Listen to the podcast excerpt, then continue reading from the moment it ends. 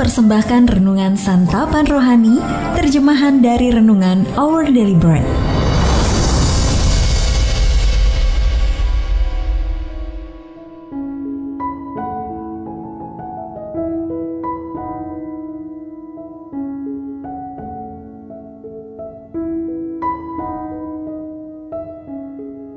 Sahabat ODB, pembacaan Alkitab hari ini terambil dari Mika pasal yang kelima ayat yang pertama sampai dengan ayat yang ketiga.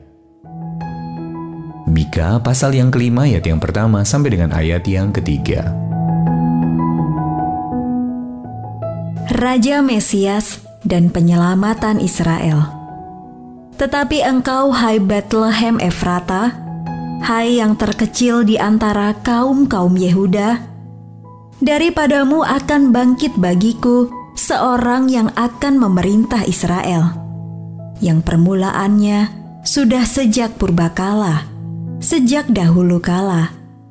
Sebab itu, ia akan membiarkan mereka sampai waktu perempuan yang akan melahirkan telah melahirkan. Lalu selebihnya dari saudara-saudaranya akan kembali kepada orang Israel maka ia akan bertindak dan akan menggembalakan mereka dalam kekuatan Tuhan, dalam kemegahan nama Tuhan Allahnya.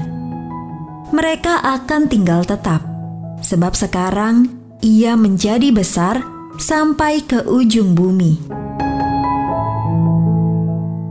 Ayat mas renungan hari ini terambil dari Mika pasal yang kelima ayat yang pertama. Tetapi engkau hai Bethlehem Efrata, hai yang terkecil, daripadamu akan bangkit seorang yang akan memerintah Israel. Renungan hari ini berjudul Permulaan yang Kecil, ditulis oleh Tom Felton. Setelah selesai dibangun pada tahun 1883, jembatan Brooklyn dinobatkan sebagai keajaiban dunia ke-8 namun struktur jembatan itu bisa dibangun berkat selai kabel baja tipis yang dipasang dari satu menara ke menara lainnya. Kabel lain kemudian ditambahkan kepada kabel pertama tadi. Demikian seterusnya hingga membentuk satu kabel yang sangat besar. Lalu dijalin hingga terikat dengan tiga kabel besar lainnya. Ketika selesai, setiap kabel yang terdiri dari 5.000 kabel lebih yang telah digalvanisasi turut menyokong berdirinya jembatan gantung terpanjang pada masanya itu. Sesuatu yang awalnya kecil berubah menjadi bagian besar dari jembatan Brooklyn. Kehidupan Yesus dimulai dari sesuatu yang kecil. Dia lahir sebagai bayi yang dibaringkan dalam palungan di sebuah kota kecil. Lukas pasal yang kedua ayat yang ketujuh.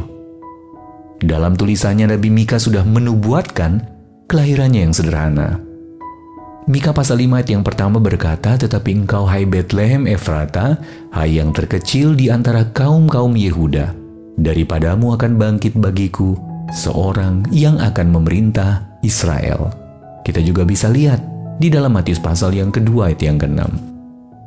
Memang permulaan yang kecil, tetapi sang pemimpin dan gembala itu akan melihat kebesaran dan misinya tersebar sampai ke ujung bumi. Mika pasal yang kelima ayat yang ketiga. Yesus lahir di sebuah tempat yang kecil sederhana dan hidupnya di dunia berakhir ketika dia merendahkan dirinya dan mati layaknya seorang penjahat di kayu salib. Filipi pasal yang kedua ayat yang ke-8. Namun dengan pengorbanannya yang besar dia telah menjembatani jurang yang terbentang di antara kita dan Allah dan memberikan jalan keselamatan bagi kita semua yang percaya. Saat ini kiranya Anda menerima pemberian Allah yang terbesar dalam diri Yesus dengan iman. Sekiranya Anda telah percaya, biarlah dengan rendah hati Anda memuji Dia atas semua yang telah dilakukannya bagi Anda. Sahabat ODB, apa hal kecil atau besar yang Allah kerjakan dalam hati Anda? Lalu bagaimana Anda dapat menanggapinya dengan rendah hati? Mari kita berdoa. Tuhan Yesus, terima kasih karena Engkau datang dalam kerendahan untuk menyelamatkanku dengan pengorbananmu yang besar. Amin. Jika Anda ingin mendapatkan buku renungan ini dalam bahasa Indonesia, Inggris atau Mandarin, WhatsApp kami di 0878 7878 9978 atau email indonesia@odb.org. Persembahan kasih dari Anda memampukan Our Bread Ministries menjangkau orang-orang agar diubahkan. Tuhan memberkati.